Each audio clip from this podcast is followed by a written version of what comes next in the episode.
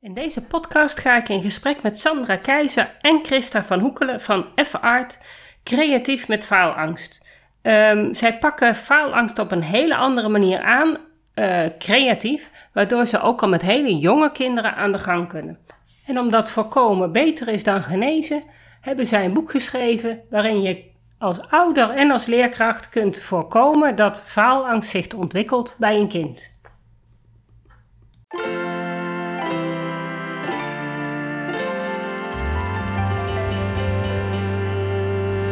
Welkom bij de Beelddenkers podcast. Ik ben Natasja Esmeijer van Beeldig Brein en de schrijfster van het boek Beelddenkers als kwartjes vallen. Ik neem jullie mee in de wereld van de beelddenkers. Beelddenkers zijn creatieve, intelligente en zorgzame mensen, maar ze hebben moeite met onze vluchtige, snelle maatschappij. Dat begint al op school en het werkt door in het werkende leven. Ik ga in gesprek met leerkrachten, ouders van beelddenkers en met de beelddenkers zelf natuurlijk.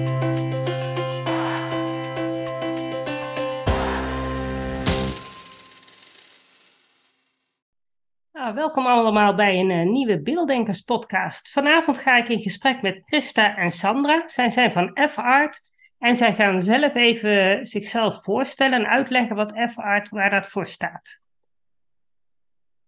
Nou, wie gaat eerst? Ja, uh, nou, uh, ik ben Christa van Hoekelen en ik ben officieel jongerenwerker uh, maar ik heb mezelf bijgeleerd om uh, als leercoach.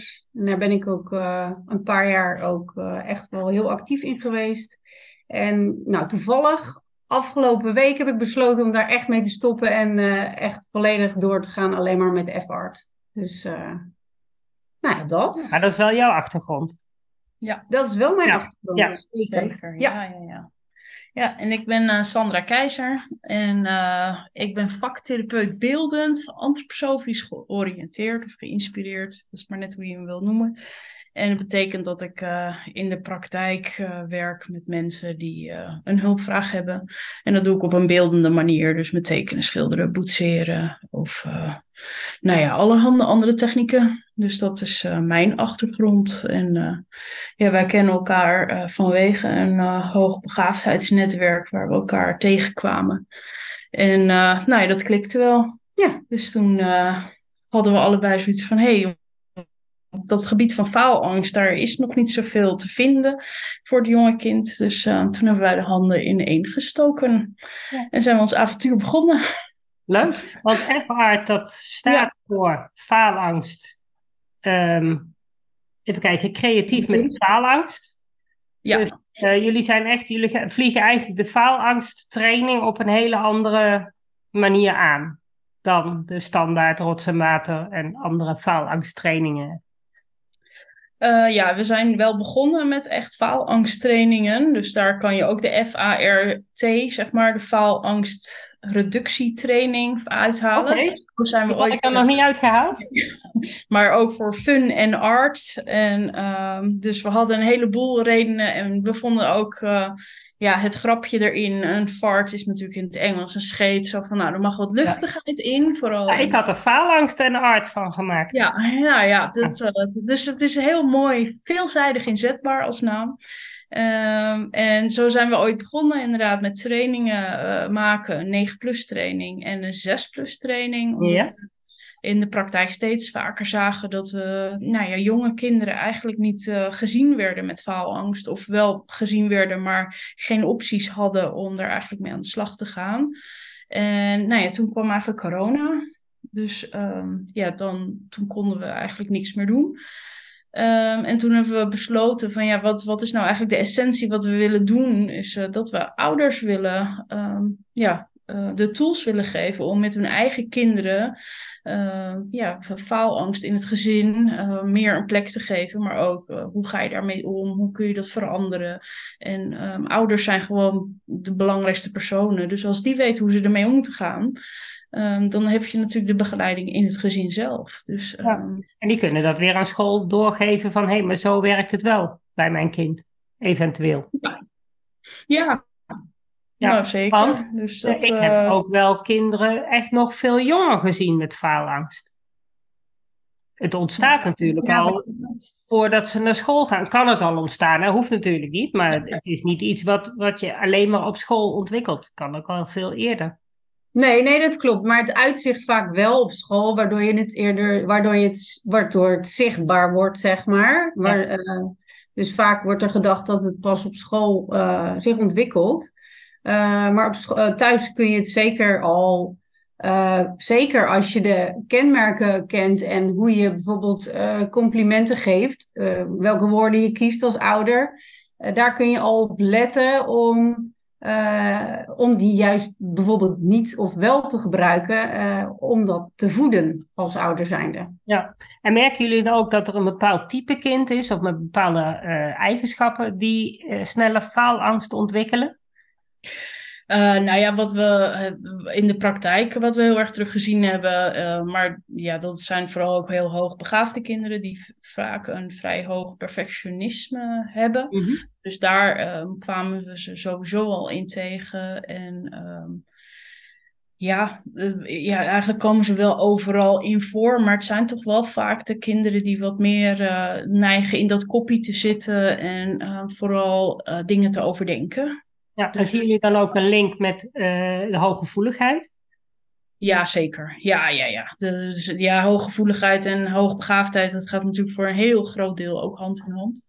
Ja, maar goed, je hoeft niet. Uh, nee, je hoeft niet hooggevoelig te zijn of hoogbegaafd te zijn. Nee, dat klopt. Ja. Maar, nee, maar dat klopt. Die, die, die types, uh, die zien we wel ja. allebei heel duidelijk. ik denk ook dat ik vooral het hooggevoelige typeje thuis heb ja, waar uh, de faalangst ook uh, goed zichtbaar was. Dus, ja, en, uh, en, ja. en ik kwam dan de kinderen in de klas tegen die op een andere manier denken. Dus dat kunnen inderdaad kinderen zijn met dyslexie, die denken gewoon op een andere manier. Of ja. nou ja, de beelddenker. Dat zijn dan de beelddenkers, ja?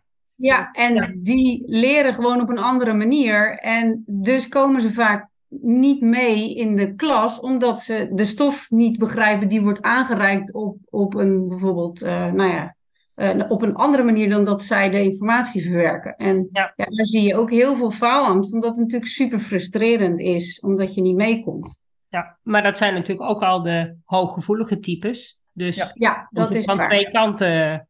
Ik denk niet dat het alleen maar door school komt dat het onderwijs niet past, maar ook gewoon de hele sociale omgeving waar ze zich in moeten begeven en waarbij ze ook ja, ja. niet altijd aansluiting vinden of begrip of erkenning. Of, of en ook zichzelf nog moeten leren kennen natuurlijk. Ja, het, uh, ja, we hebben. Ik neem altijd het voorbeeld in het vooral het creativiteitsstuk. Hè, dat als een kind uh, van twee jaar naar ons toe komt met een mooie krastekening, hè, helemaal dolgelukkig. En uh, eigenlijk hoe we dan altijd reageren is van, oh wat mooi, wat heb je dat leuk gemaakt en jeetje wat tof. En op een gegeven moment moet het iets worden, want dan heeft het kind toch duidelijk, dit was een olifant of het was een hond of een kat. En dat kan ook nog per minuut verschillen. Maar die komt met een andere vraag naar je toe rennen. En dan, als je dan gaat luisteren naar hoe je toon dan verandert, van oh, en, en wat zie ik hier? Dan zie je al zo'n groot verschil in van, oh wat mooi hè. En mijn ouders zijn enthousiast en heel erg fijn aan het reageren. En naar opeens van, huh, wat krijgen we hier voor reactie? Dus als, als je natuurlijk een kind die daar heel gevoelig voor bent, dan um, ja, wil je liever voor dat oh wat mooi gaan. Um, ja. En opeens krijg je een soort van dop op je neus van, nou ja, ze reageren helemaal niet meer enthousiast, dus ik moet me, hè, ik moet me verbeteren of ik moet het olifant beter is nog geen olifant genoeg. Nee, nee. Dus, um, dus je ziet dat de lat dan al meteen neergelegd wordt, of het door het kind zelf is of door het systeem. En het is onbedoeld, hè? want mm ouders willen natuurlijk gewoon tegemoetkomen aan de wens dat het kind herkend wil worden in die tekening. Maar daar zit dus voor een stap dat als een kind van twee jaar met die tekening naar je toe komt lopen van dit zijn mijn krassen, kijk eens hoe mooi. Dat je ook al die vragen kan stellen van joh, jeetje, wat heb je gemaakt? En uh, nou ja, welke kleur vond je zo mooi? En waar ben je mee begonnen? En um, ben je daar beneden begonnen of daarboven? En dan zie je al dat als je dus het vragen, hè, het reflecteren en het nou ja, geïnteresseerd zijn in het werk van het kind. Je maakt daarin meteen een hele mooie verbinding met een kind. Ehm, maar ook dan verandert je intonatie niet als het iets moet gaan worden. Want dan stel je nog steeds dezelfde vragen. Dus je ziet dat daarin bijvoorbeeld in dat complimentenstuk al heel vroeg al een sprong gemaakt kan worden als je faalangst wil voorkomen. En het is natuurlijk niet zo dat je nou niet mag zeggen van oh wat mooi. Maar het is meer van wees je er eens bewust van dat je ook kan benoemen van oh hoe heb je dat dan gemaakt en wat, hoe, hoe was het proces? En dat zijn uh, ja hele andere uh, het is gewoon een andere manier van ermee omgaan. Moet je natuurlijk wel je kind alvast kennen en weten wat jouw kind nodig heeft. Want ja, nou, ik denk dat vragen ja, Voor elk kind is het op zich wel... Kan voor ieder kind. En je gaat dat ook gaandeweg je leven, ga je dat leren, dat, dat er vragen gesteld worden. En je leert dan ook meteen um, eigenlijk de onderzoeksbril op opzetten. Van, oh, ze wil gewoon weten hoe ik dat heb gedaan. Dus ik mag vertellen hoe ik daar iets, uh, hè, welke stappen ik genomen heb. Dus je leert een kind ook meteen al wat meer waarnemen. Je leert een kind al meteen iets bewuster. Misschien die stappen maken. En natuurlijk op tweejarige leeftijd is dat heel anders dan op achtjarige leeftijd. Maar als een kind al heel gewend is dat om zich heen veel mensen zijn die gewoon geïnteresseerd zijn in wat ze aan het doen zijn Ehm, dan, dan ben je al dat faalangststuk voor. Want dan is de mindset eigenlijk altijd al op groei gericht. Hè? Dus als je het hebt over Pixie en Growy, is die al meteen op groei gericht. En, um, ja, dus, en dat kan je gewoon constant uitbreiden. En dat kun je op een gegeven moment ook naar het gevoelsleven gaan doen. En je kan dat op allerlei vlakken inzetten. En daarom houden wij er zo van dat als je, hè, hou je complimenten terug of benoem vooral het, het proces wat je ziet of wat ze hebben gedaan en benoem dat als iets wat ze, hè, ik zie dat jij um, heel hard van die glijbaan afgleed, wat fijn dat je dat leuk vindt. Of nee, je kan daar natuurlijk op een hele andere manier ook, uh, ja, en, en heeft het kind echt iets aan ons oordeel? Ja, weet je, ja, ik vind het een mooie tekening of ik vind het niks. Maar als het kind het niks vindt, dan kom je ook tegemoet aan als het, uh, dat het serieus genomen wil worden. Hè, wat jammer dat het uh, voor jou niet gelukt is. Maar wat, wat, kunnen we doen om het te verbeteren?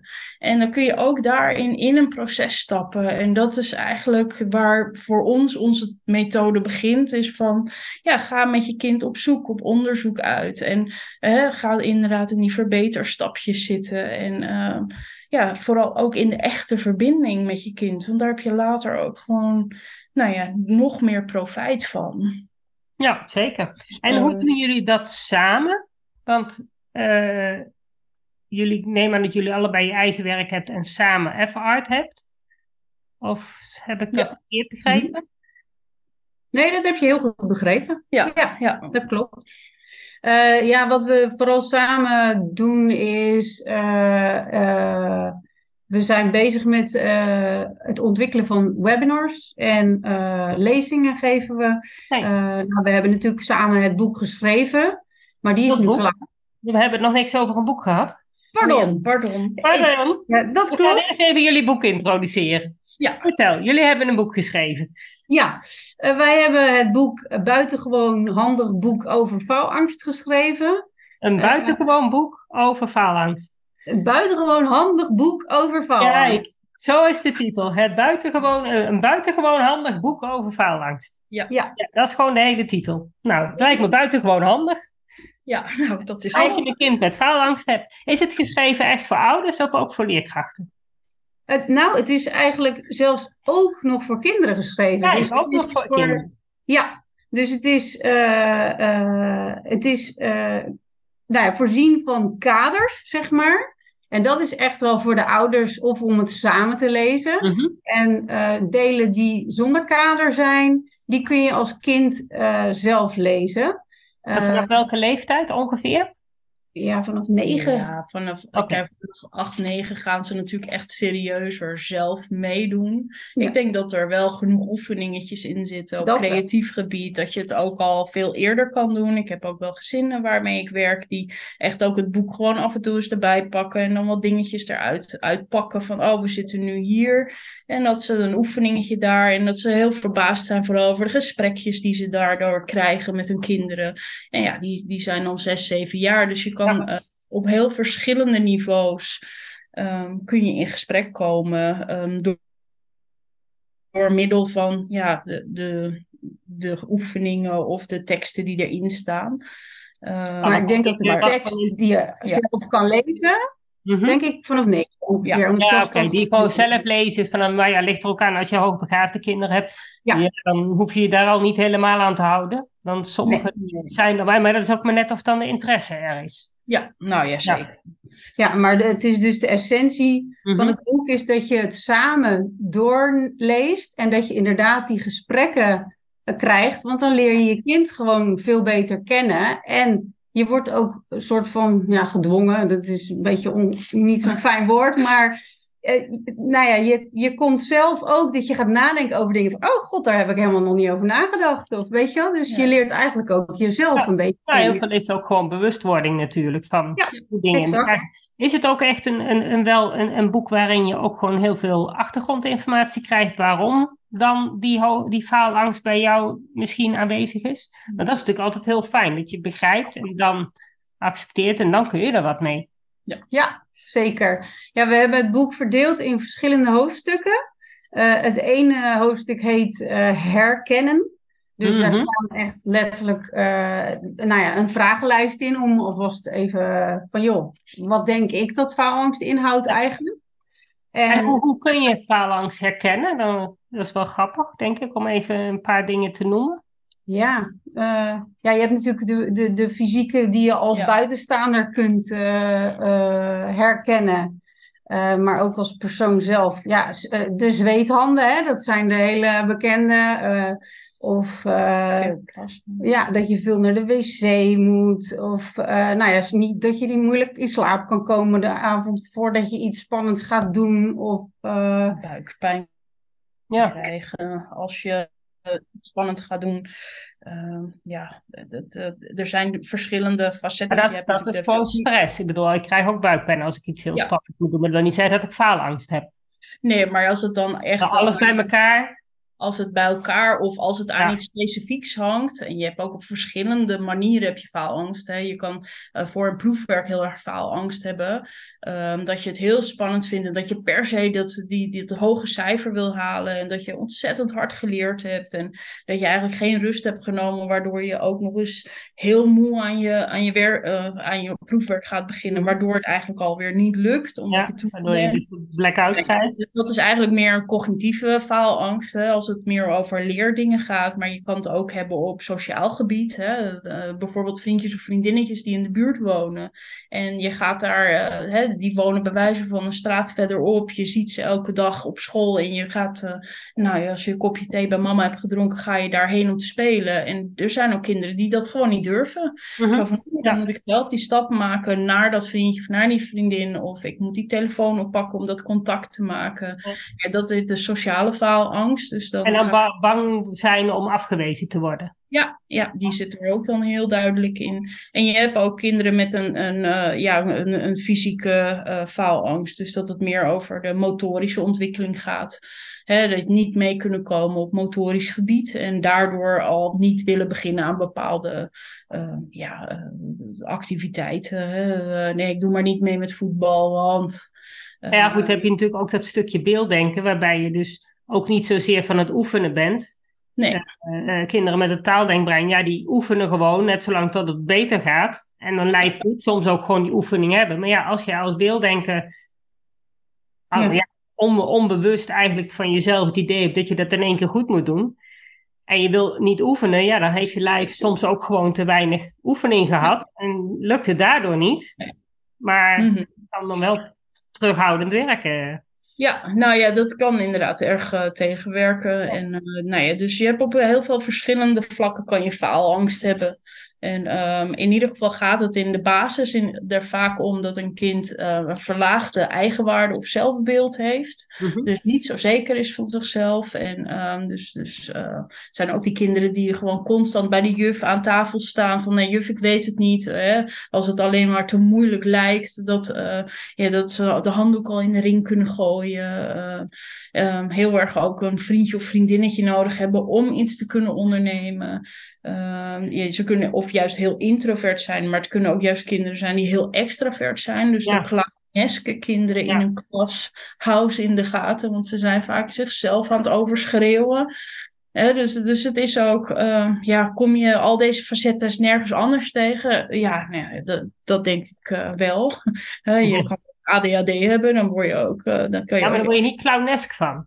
Nee, daar word je niet clownesk van. Dat is toch weer anders. Maar Hooguit, ja. deze mensen met ADHD zijn ook beelddenkers, dus kunnen ook gewoon ja. faalangst hebben. Maar dus het is ook, uh, ja, de, je moet het hele pakket bij elkaar zien. Zo van, nou, past dit en, en is het ergens aan, uh, hangt het ergens aan in een bepaalde situatie? Of uh, nou ja, kinderen die bijvoorbeeld ook al angstig zijn vanuit de basis, hè, die eigenlijk al een soort van angstig worden geboren. Mm mijn zoon kon ik bijvoorbeeld nooit, hè, je kan baby's soms zo leuk in de, in de lucht gooien en dan, dan schateren ze van het lachen. Nou, mijn zoon die uh, zag je al meteen verkrampen en dat hele lijf werd als een plank. Uh, nou ja, dat is dan een goede indicator om te zeggen, nou, uh, misschien moeten we die niet meer doen. Maar eh, zo zijn er altijd wel tekenen dat, er, dat een kind dan een verhoogde spanning heeft op een bepaald onderwerp.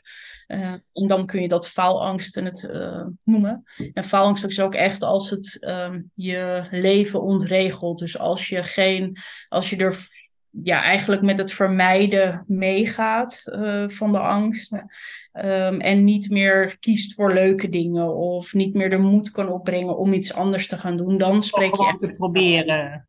Ja. Gaat het niet lekker? Ja. ja.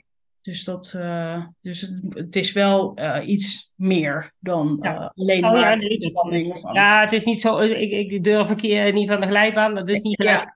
Nee, nee, zeker. Nee, nee. nee. Dus. Oké, okay, laten we, we waren bezig met het boek. Ja. ja. wat, wat, wat, wat, hebben jullie nog meer in het boek staan? Uh, nou, na dat uh, herkennen gaan we naar het tweede hoofdstuk. Uh, en dat is de basiskennis. Want je moet eerst natuurlijk ook een beetje informatie opdoen. en daarna gaan we naar de erkenning toe. Want met die kennis ga je dan naar. De, nou ja, dan gaat het een beetje ja. zakken als het goed is. Dat is de bedoeling. Ja. Weet je waarom en, en waar het vandaan komt? Ja, Exact. En dan, uh, nou, er worden van alles uitgelegd over. Uh, uh, nou ja, ik zie hier bijvoorbeeld staan. Ik heb hem voor me liggen, dat is makkelijker, want ik ken hem natuurlijk niet helemaal uit mijn hoofd. Wie heeft hem geschreven van jullie, of hebben jullie hem echt samen geschreven? Ja, echt, echt samen. samen. Ja. ja. Uh, ja, op, zelfs op, op veiligheid, want dat staat bij ons uh, op bovenaan, zeg maar. Mm. Dat je eerst veiligheid moet creëren, wil je hier überhaupt mee aan de slag gaan.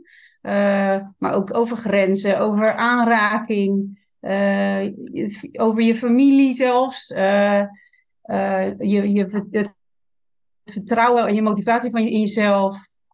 Nou, dat is dus het derde hoofdstuk. En dan gaan we naar de tools. en dat zijn onze eigen ontwikkelde tools met een icoon erbij. En daarin komen de oefeningen vooral naar voren. Daarvoor zitten ook wel de oefeningen.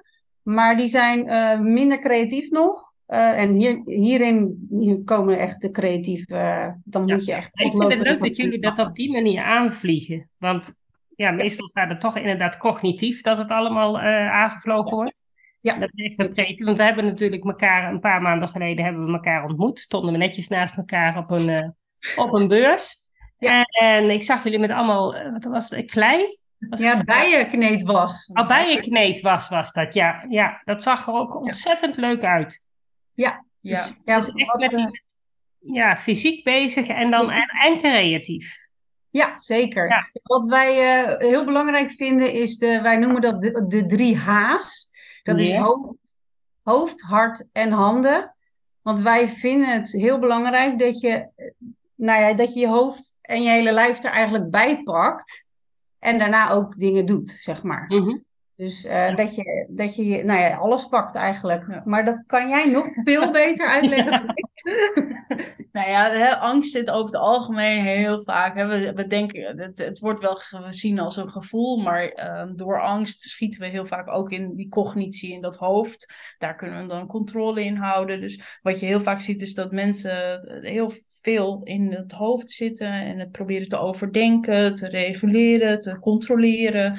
En op het moment dat je echt naar dat gevoel gaat van ja, hoe voel ik me nou eigenlijk, ehm, kun je ook zeggen van ja, nou ja, hè, er is angst of er is spanning of er is, nou ja, de, de wereld vergaat niet, kun je mhm. je daar verhouden, hoe je daarmee omgaan. En ook als je het dan kan uit uh, hè, in, je, in je handen kan doen, dan moet je al die delen met elkaar uh, verbinden. Want je kan niet tot handelen komen als je ja, niet met je gevoel of met je hoofd erbij bent. Want dan wordt het ongecontroleerde brei, zeg maar. Dat kan ja. natuurlijk wel. Ehm, nou ja, over het algemeen komt er dan niet uit wat je hoopte dat eruit komt. En als dat allemaal met elkaar verbonden is, dan kun je ook veel meer ervaren. En uh, ja, zeker in, in, dat, in die tastzin, onze huid. De tastzin is het grootste orgaan eigenlijk van ons lijf. En ehm, dat is waar we mee beginnen. Dat, dat is ons eerste orgaan als we geboren worden, waar we in begrensd worden, waar we onze grenzen voelen, waar we ook onze veiligheid voelen waarin we worden gekoesterd. En, um, ja, en dat zijn wel vaak de basis is uh, ja, dat je die veiligheid nodig hebt. En door juist veel dingen met je handen te doen, ben je dus constant in dat gebied ook aan het werk. En leer je jezelf heel erg kennen op al die andere gebieden. Um, ja, en dat, en dat maakt bijvoorbeeld bijenkneedwas. Hè? Je, je moet je doorzetten, je moet het warm maken, je moet het doorkneden. Je, moet, je, je zit aan je eigen grenzen, kom je tegen, van je eigen lijf. Van nou, kan ik het wel warm maken? Heb ik eigenlijk wel warme handen? Dus je kan er zoveel aan ont, ja, eigenlijk eh, vragen bij stellen van nou ja, wat, wat ervaar ik nu eigenlijk? En ja, als je er alleen maar met je ogen naar kijkt, zeg maar, dan heb je die ervaring niet. Dan denk je, ja, uh, er gebeurt iets mee. Misschien kan het een bol worden of een vierkant. Maar als je ermee aan het werk gaat, dan, dan pas merk je van, oh joh, ik moet dat omvormen en ik moet het warm hebben. En oh, ik heb geen warme handen. Oh, dat valt me eigenlijk op dat ik heel vaak geen warme handen heb. Hoe kan dat dan eigenlijk? En oh, maar ik kan ze wel warm krijgen. En um, uh, ja, ik heb niet zoveel kracht in mijn handen, is bijvoorbeeld ook een waarneming die ik kan doen. Of ik wil er iets moois van maken, ik wil meteen die mooie zwaan eruit gekneed hebben. Oei, ik heb, het pas voor het eerst in mijn handen. Is het dan wel reëel om te denken dat ik die zwaan eruit krijg? Dus je kan een kind dan heel, of nou ja, ook voor jezelf er heel goed kan je erbij waarnemen van, nou hoe, hoe ga ik daar nou mee om? En wat kom ik van mezelf tegen als ik uh, hè, met dit materiaal bijvoorbeeld bezig ben? Ja, en kinderen het houden. Kan ook een uh, manier zijn om uh, uit dat hoofd te komen en dan inderdaad langzaam, heel langzaam dat gevoel toe te kunnen laten? Want ik kan me voorstellen dat er heel veel kinderen met die al een tijdje faalangst hebben, dat gevoel ook helemaal afgestoten hebben. Ja. En ja, het is niet zo makkelijk om daar weer zomaar naartoe te gaan. Dat is ook best wel eng. Ja, dat is zeker heel spannend. Maar je merkt wel dat um, creativiteit of dingen doen en maken, um, ja, hè, die klei warm maken, dat, dat, kunnen we allemaal. Dat heeft niet per se hè, een hoger doel. Vaak zie je meteen dat een kind dan eraan verbindt van, oh, het moet ook iets worden. Mm. Dat hebben wij als volwassenen ook vaak. Hè. We kunnen niet iets tekenen zonder dat we denken van, oh, het moet wel meteen die Lamborghini worden. Ja, nee, je mag ook gewoon lekker doedelen met een potlood. Ja, we, we, denken, we, we hebben er vaak hele hoge verwachtingen van. Of, uh, ja, en dat ja, dat, dat hoeft niet. Dus je kan ook daarin de lat heel laag leggen, waardoor ze dus constant um, eigenlijk uh, ook succeservaringen opdoen. Want inderdaad. Is het ook niet op het moment dat je gewoon eigenlijk alleen maar bezig bent met het kneden van die was, dat je ook in je brein die balans creëert, waardoor je dus inderdaad die emoties beter onder controle kunt hebben. Waardoor je dus inderdaad misschien makkelijker dat gesprek aan kunt gaan. Ja, je gaat letterlijk vanuit je, want angst zit natuurlijk, dan, schiet je in je reptiele brein of in je mm. oerbrein. Ja. Dan heb je vluchtgedrag of uh, bevriesgedrag, zeg maar. Dat staat ook allemaal uitgelegd in ons boek. Uh, en dan als je natuurlijk iets moet, fysiek moet doen, dan schiet je daaruit, want je hebt een andere uh, deel van je hersenen nodig om dat te kunnen doen op dat ja, moment. En ze dus moeten het samen doen, want je bent met twee handen bezig. Exact, dus je bent links en rechts ben je bezig. Je kunt het lateraliseren. Ja, uh, ja zeker. Dus, uh, en je, je leert jezelf dus op een hele vriendelijke manier kennen. En wat heel belangrijk is, is dat dat de basis mag zijn. Hè, ehm, ja, ik, ik, kan dit nog niet, of ik kan Mhm. het nu niet, is bijvoorbeeld iets heel moois. Of gooien we het meteen in de hoek, ik kan ook niks. Ja. Hè, of ik kan nooit iets goed doen. En ehm, ja, dan liefdevol weer mee terug en, het, en helpen of samen dit eh, ja, eraan weer gaan werken. Dat maakt het gewoon zo ontzettend Ja, dan- en kunnen jullie dan die lat ook een beetje naar beneden halen? Want ik kan me voorstellen als zo'n kind dan zo'n staafje krijgt en zegt van, nou ja, ik wil er inderdaad die zwaan van maken. Maar ja, goed, na een uur is dat natuurlijk nog geen zwaan. En kunnen jullie dat dan via gesprek ook gewoon die lat inderdaad lager leggen, dat ze daar ook vrede mee hebben dat het die zwaan nog niet geworden is? Want dat lijkt me ook heel waardevol. Ja, dat is zeker heel waardevol. En dat, ehm, nee, dat is. ehm, eigenlijk vind je dat terug in alle tools die we dan hebben beschreven. Hè. Daar zitten dan vaak ook opdrachten aan gekoppeld. En vaak is het heel erg gericht op eh, vooral ervaren. En door je kennis over de andere onderwerpen, zoals bijvoorbeeld je veilig voelen of hè, waarnemen. Eh, ja, het, eh, wij- kunnen inderdaad wel ehm, daarbij helpen. Hè? Als mensen ook vastlopen in het boek of met een bepaalde situatie thuis, mogen ze ons ook altijd gewoon mailen met de vraag van, joh, hoe kan ik dit bij mijn kind nu eh tackelen? Want dat is wel belangrijk. Is het, eh, is het maar niet eh, handig dat jullie gewoon eerst met dat, tenminste, helpen jullie ook eerst een gezin op weg met het boek? Niet altijd neem ik aan, je kunt het boek natuurlijk gewoon kopen, maar eh, ik kan me ook voorstellen dat het handig is dat je eerst een keer een gesprek met jullie hebt met het kind en dat ze dan van daaruit, vanuit het boek, met die kinderen aan de gang gaan. Ja, nee, ja, dat doe ik in de praktijk wel. Ja. Hè. Als kinderen, of, ah, kinderen komen met faalangst eh, eh, voor therapie, dan ehm, krijgen ze ook van mij bepaalde activiteiten of, of dingen uit het boek bijvoorbeeld mee, eh, die ze dan thuis moeten gaan of mogen gaan oefenen. En uiteindelijk zie je wel vaak dat ze dan tot de aankoop van het boek overgaan. En dan Doe je dat dan ook, die therapie, met alleen het kind of ook met de ouders ik doe het vooral alleen met het kind. Maar dat is meer omdat ik zo werk. Ehm, in de, ehm, als we echt al naar over F-art gaan, dan, dan zouden we dat meer willen in samenwerking. Hè? Dat, en ouder en kind. Ja. Met elkaar. ehm, ja, hoe pak je dit nu aan?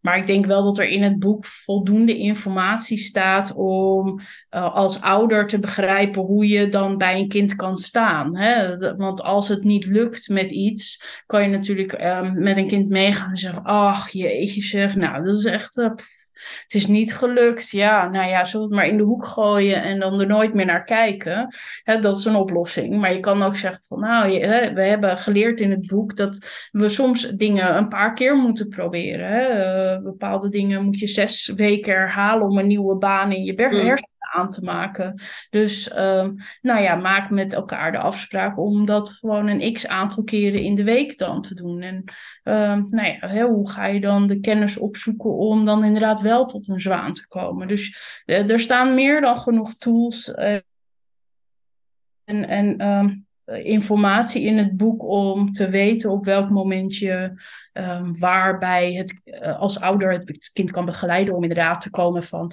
oh ja, die lat mag wat naar beneden. Hebben we die Mhm. lat nu niet hoog neergelegd? En eh, ehm, En is wat gaan jullie als, als F-art dan samen doen? Gaan jullie dan wat meer eh, ook inderdaad die gezinnen begeleiden? Want wat doe jij, eh, wat, wat, wat is jouw, eh, eh, wat ga jij doen, San, eh, Christa? Nou, waar wij nu vooral mee aan de slag gaan, zijn die webinars. eh, om ouders dus ook eh, eh, nou ja, informatie te geven en dat ze ook vragen kunnen stellen, want dan wordt het meer op maat. Eh, maar waar, waar wij ons vooral op gaan focussen de komende tijd, is dat we professionals en opvoedkundigen eigenlijk, dus dat zijn hulpverleners, maar ook ouders, om die op te leiden tot hoe je dus eigenlijk zelf faalkunstenaar kunt worden. En Mhm. dat is eh, eigenlijk eh, dus dat we de, de, de methode uitleggen. Dus nou ja, de achterliggende gedachten achter de, Mhm. achter de methode, zeg maar, dat we die helemaal uitleggen. Zodat je echt goed je eigen kind of in de praktijk kinderen kunt gaan begeleiden met hun ouders. Ja. Want dat is ook onze missie, zeg maar. Want wij kunnen met z'n tweeën natuurlijk maar zoveel gezinnen begeleiden. En ja, en dat, dat vonden we eigenlijk weinig, te weinig. Want we willen gewoon eigenlijk heel veel mensen helpen. Mhm.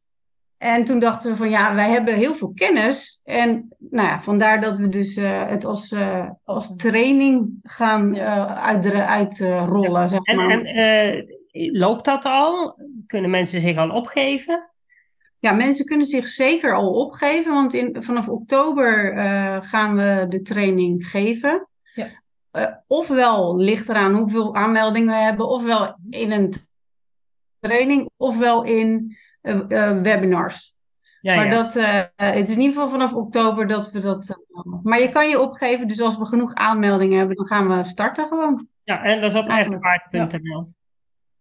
Ja, f-art.nu. .nu. Oké, dat is hele, hele, hele belangrijk. Ja, zeker.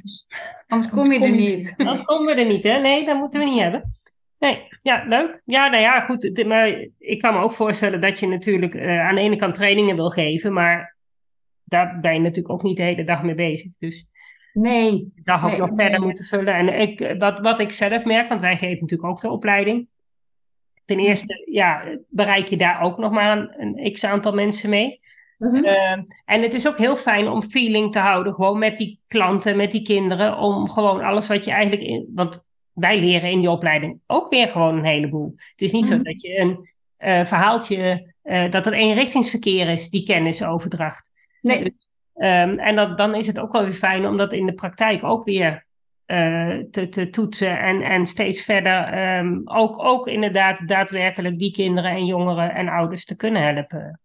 Ja, zeker. Ja, zeker. Dat, nee, ja, bij mij in de praktijk wordt het natuurlijk ook gewoon echt ingezet. Mhm. dus ik gebruik het, de, de, de methode ook uh, met ouders en hun kinderen.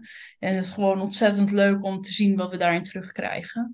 Um, ik werk ook hier met het JGT samen, jeugd- en gezinsteam. Nou, ook daar zijn ze um, met de methode aan de slag. En ja, het is gewoon mooi als hoe meer uh, mensen op deze manier met de methode omgaan. Hoe meer kinderen er uiteindelijk geholpen worden. Want ook op scholen is het inzetbaar. We zijn zelf nog met een boekje bezig hoe dat dan het makkelijkste gaat. Uh, maar ook ook daarin, als je, als je de methode kent en weet waar het om gaat. Hè? Dat je altijd naar die veiligheid moet kijken en dat je um, co-reguleren bijvoorbeeld. Hè? Dus als een kind uh, in de spanning zit, dat je even, nou ja, het even bij je neemt, weer zorgt dat het in veiligheid komt, zodat het brein weer open kan en je weer aan de slag kan met elkaar. Dat zijn gewoon belangrijkere dingen dan, um, ja, die toets moet toch gemaakt worden. Ja. Ja, ja, maar ja, goed, als je 30 kinderen in de klas hebt, uh, wat, nee, ja, ja, ja, zeker. Want, ja, daar lopen wij ook tegenaan. Ja. Um, uh, leerkrachten hebben best wel veel op een bordje. Dat ja, klopt. Ja. Nou, hebben wij elkaar natuurlijk, dat hebben we al eerder gezegd, uh, ontmoet op een beurs. En dat ging over dyslexie. Uh, hebben jullie een speciale band met dyslexie? Of is dat gewoon een doelgroep um, die jullie gewoon veel zien? Hmm. Ja. Nou ja, ik heb uh, toen ik op scholen werkte, zeg maar, uh, als uh, leercoach, uh, toen kwam ik wel best wel veel kinderen tegen met dyslexie. Uh, uh, dus ja, die ben ik wel veel tegengekomen. En die hadden, omdat ze bij mij komen, want anders hoef je niet natuurlijk naar mij toe te komen, want dan kan je meekomen in de, in de klas. Dus die zag ik wel veel. Ja, dat klopt. Ja, ja dus die, die ja meer kan ik er eigenlijk niet nee, over zeggen. Het is niet zo dat je merkt van, goh, dyslexie en faalangst, dat is iets wat heel veel samengaat. Nou, niet heel veel, maar ook... Ja, nee. nee. precies. Ja, er zijn gewoon een heleboel verschillende kinderen die, uh, die we tegenkomen eigenlijk. Ja, ja. nee, dat, dat is ook mijn, mijn ervaring hoor. Dat, dat, uh, dat beelddenken vaak... Uh, ik bedoel, niet alle beelddenkers hebben dyslexie. Nee. Uh, en de ene beelddenken is de andere niet. En sommigen die hebben inderdaad die hele hoge gevoeligheid, waardoor ze inderdaad makkelijk die faalangst ontwikkelen. En voor anderen is het inderdaad de hoogbegaafdheid of ja, en sommigen hebben ja. ook geen faalangst. Dat, uh, maar nee, aan de andere kant, je prikt er ook niet altijd doorheen. En nee. het mag ook soms best een beetje faalangst in zitten. Ik bedoel, dat is menselijk. Ja, houd je scherp. Laat het maar niet belemmerd. Ja, exact. En dat is, ja. dat is een hele. Precies, als het je leven gaat uh, beheersen, ja. dan moet je aan de bel trekken. En niet ja. als je een keertje moet huilen omdat je een toets niet goed hebt gemaakt. Nee, nee. dan is er niks aan de hand. Nee. Nou, het kan er wel wat aan de hand zijn, maar dan heb je niet... Ja, maar ik bedoel, dan hoef je nog niet uh, aan de bel te gaan trekken van... Uh, ja, exact, dat bedoel ik. Ja.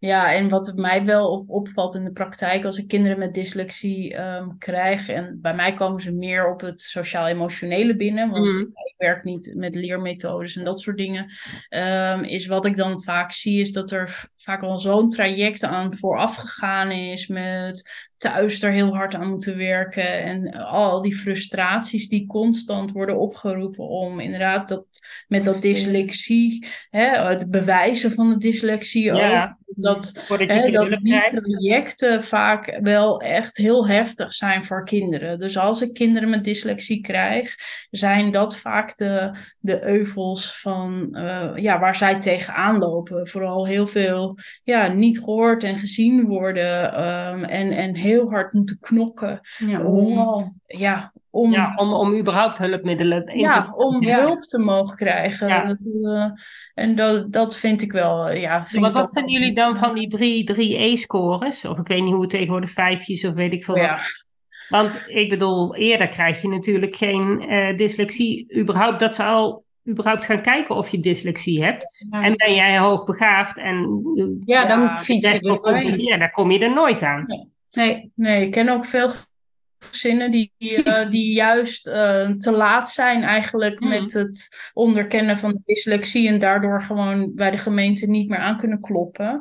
Ehm, waardoor je dus met een niet geziene dyslexie de rest van je, ja, je carrière door moet. Oh, je krijgt Ja, altijd nog wel. Je kunt nog wel. Ik heb laatst een klantje gehad die heeft op 6 VWO nog een dyslexieverklaring gekregen. Vlak voor de Oh ja. examen. Dus Het kan altijd nog. Ja, nou ja, dat is heel fijn om te het is weten. geslaagd. Maar Dus, Maar je ziet wel dat daar dan ehm, heel veel moeite voor gedaan Ja. moet worden. En ehm, ja, ik zit dan meer aan het antroposofisch onderwijs vast. Daar krijg ik dan meer in, informatie over. En daar vind ik soms, eh, nou ja, daar, daar heb ik wel een paar kinderen met dyslexie van gehad. Wat nou ja, te laat onderkend is. En, nou, ik denk ook. Maar als je alleen maar afgaat op drie keer een E-score. Ja, Ten eerste is al drie keer een E-score is al anderhalf jaar. ja. Dus dat is al een hele lange tijd. Ik bedoel, dyslexie heb je of heb je niet. Ik bedoel, dan heb je dus ook al begin groep drie. Ja. ja, en als je er dan weer even een D ertussendoor hebt of een 4, dan, eh Ja, dan nou, houdt het dan weer op. beginnen. ja. Ja, dus, en dan gaan de ouders vaak eh, ja, zeggen, nou, het gaat niet zo lekker met lezen. Nou, laten we maar extra oefenen. Nou ja, dan gaat inderdaad die E, die wordt dan net aan een D. En dan, Ja. dan kom je er gewoon nooit.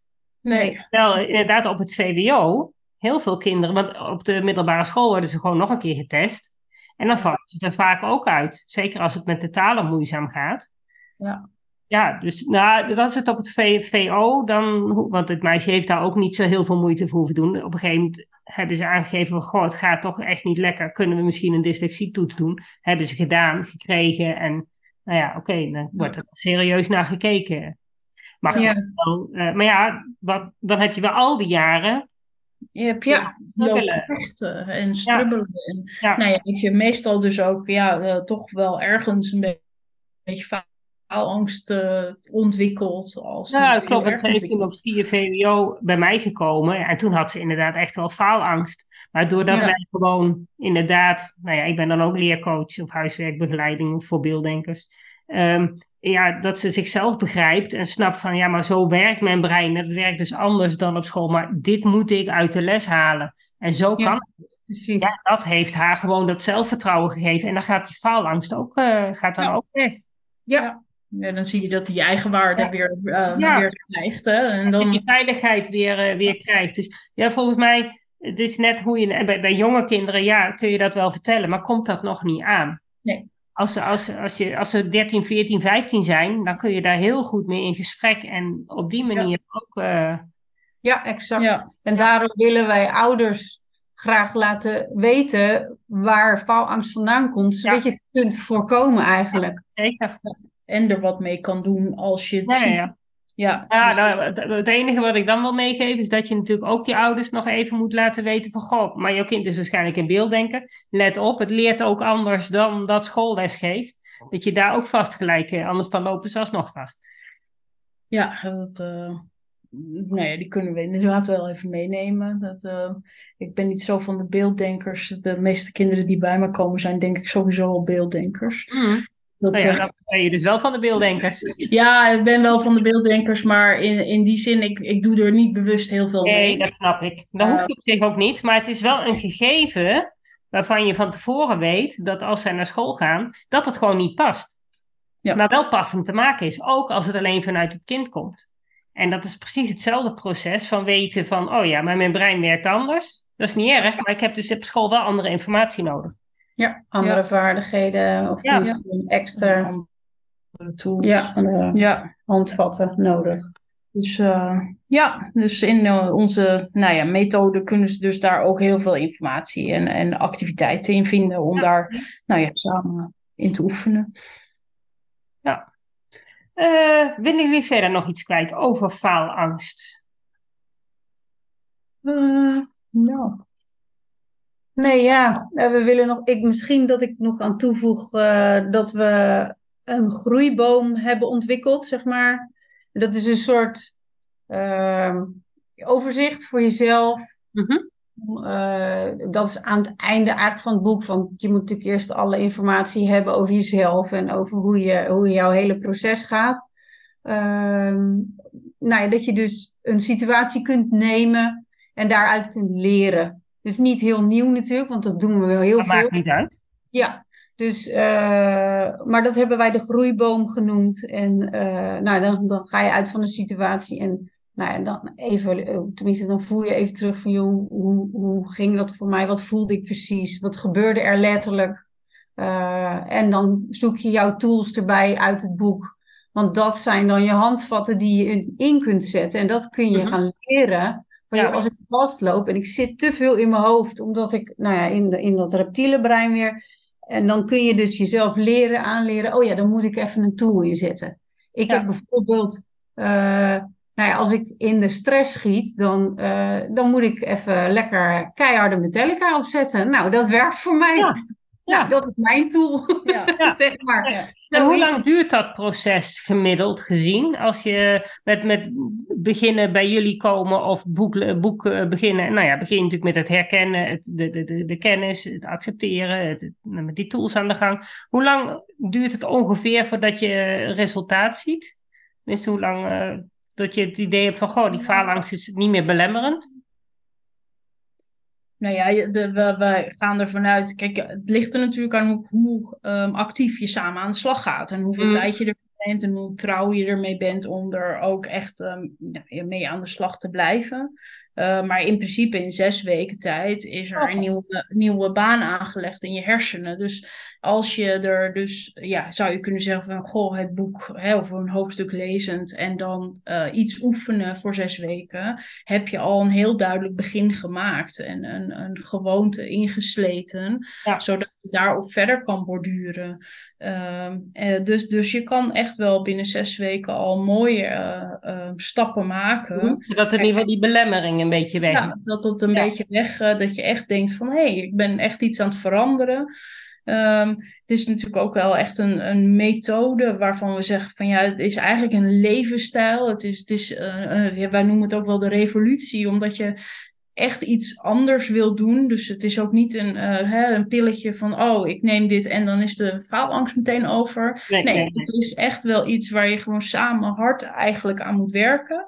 Ja. Uh, maar daarna kun je erop voortbouwen. Als je begin kun je er energie in stoppen. En ja. daarna kun je het, het, het, het, steeds als je... Maar ja, goed, een kind ontwikkelt natuurlijk. En ja. steeds nieuwe fases. Ja. Dat je op een gegeven moment in de puberteit komt, heb je andere tools nodig waarschijnlijk. Maar ja, dat ja. is wel iets wat je kunt opbouwen. Ja, en ik vind het zo fijn dat we het heel erg uh, specifiek hebben gemaakt. Dus hè, jouw kind kan bijvoorbeeld um, um, heel goed ontspannen gebruiken als een tool. Hè? Dus ik neem even 10 uh, tien seconden of ik ga even naar een plekje toe waar ik even tot rust kan komen. Maar niet elk kind heeft dat als een tool of als een mogelijkheid of moet hij het nog leren. Ja. En je kan dus heel erg je eigen keuze maken uit alle tools om te kijken van nou, welke tools ken ik eigenlijk al of gebruik ik eigenlijk al? Welke tools liggen dicht bij mij en wil ik gaan ontwikkelen? En welke tools laat ik nog even liggen? Um, En komen misschien op een later moment. Want dat, dat mag allemaal in onze methode. Dat je echt je eigen mix van tools gaat samenstellen voor jouw faalangst. Want het is heel specifiek. Ja. En ook op dat moment. Want het is natuurlijk ook een momentopname. Ja. Ja, nou, ik kan me voorstellen dat het ook even zoeken is. En eh, inderdaad, als je gaat zeggen van, nou ja, weet je, als je uit school komt, moet je eerst onder die douche gaan staan, want dan, ja, zo werkt dat niet. Dat kan helpen, maar dat hoeft helemaal niet te helpen. Nee, nee, dus eh, dat is echt, iedereen heeft het op zijn eigen manier en daarom... Heel veel kinderen weten het zelf al, hè? Heel veel kinderen kunnen zelf al zichzelf terugtrekken of, of even de tuin in of even een boekje pakken. Of, nou ja, wat ze dan ook tot rust brengt. En dan heel vaak wordt, tenminste wat ik dan merk, is dat er dan gezegd wordt, ja, maar je, je, moet nou naar school, dan moet je wel met andere vriendjes spelen. Uh, oh ja. Ik zie dat het vaak helemaal niet, niet werkt. Van averechts. Ja. ja. en daarom is het boek ook zo fijn dat je het samen met je ouders doet. Want dan word je als ouder ook bewust van, oh jeetje, ja, eigenlijk doe ik dat na school. Van joh, je moet gelijk, terwijl een kind zich even, even moet zakken bijvoorbeeld, om even de dag te verwerken. Ja, uh, je hebt natuurlijk het verwachtingspatroon van de maatschappij, van andere ja. van andere vriendjes. Van, uh, die, die willen ook wat van jouw kind of van jouzelf. Of... Ja. ja. En ja, hoe ben je als ouder zelf? Ik bedoel, ben je als ouder ook faalangstig en herken je het? Ja, dan weet je van, oh ja, maar ik heb ook die tools nodig. Misschien dat je er zelf ook nog wat van kan leren. Ja, ben je mhm. als ouder, eh, net als ik, gewoon een taal denken en dende je gewoon dwars door dat leven heen, laten we zeggen. Mhm. Dan heb je dat helemaal niet zo in de gaten. En dan moet je je daar eerst helemaal bewust van worden. Dus dat is ook nog wel uh, een verschil. Ja, precies. Dus ja. Uh, ja, we hebben dus echt wel geprobeerd op die manier dus een hele mooie methode te creëren. Waarin je dus heel veel nou ja, informatie, maar ook over jezelf en bewustwording kan creëren om met dit thema om te gaan. En is het dan meteen af, hè, klaar met de faalangst? Nee, maar heb je er je leven lang plezier van als je de bepaalde uh, facetten die we erin aanraken um, toepast? Ja, mhm. zeker. Dan, uh, ik merk het in mijn gezin heel duidelijk, maar ook in de gezinnen waarmee ik ermee werk.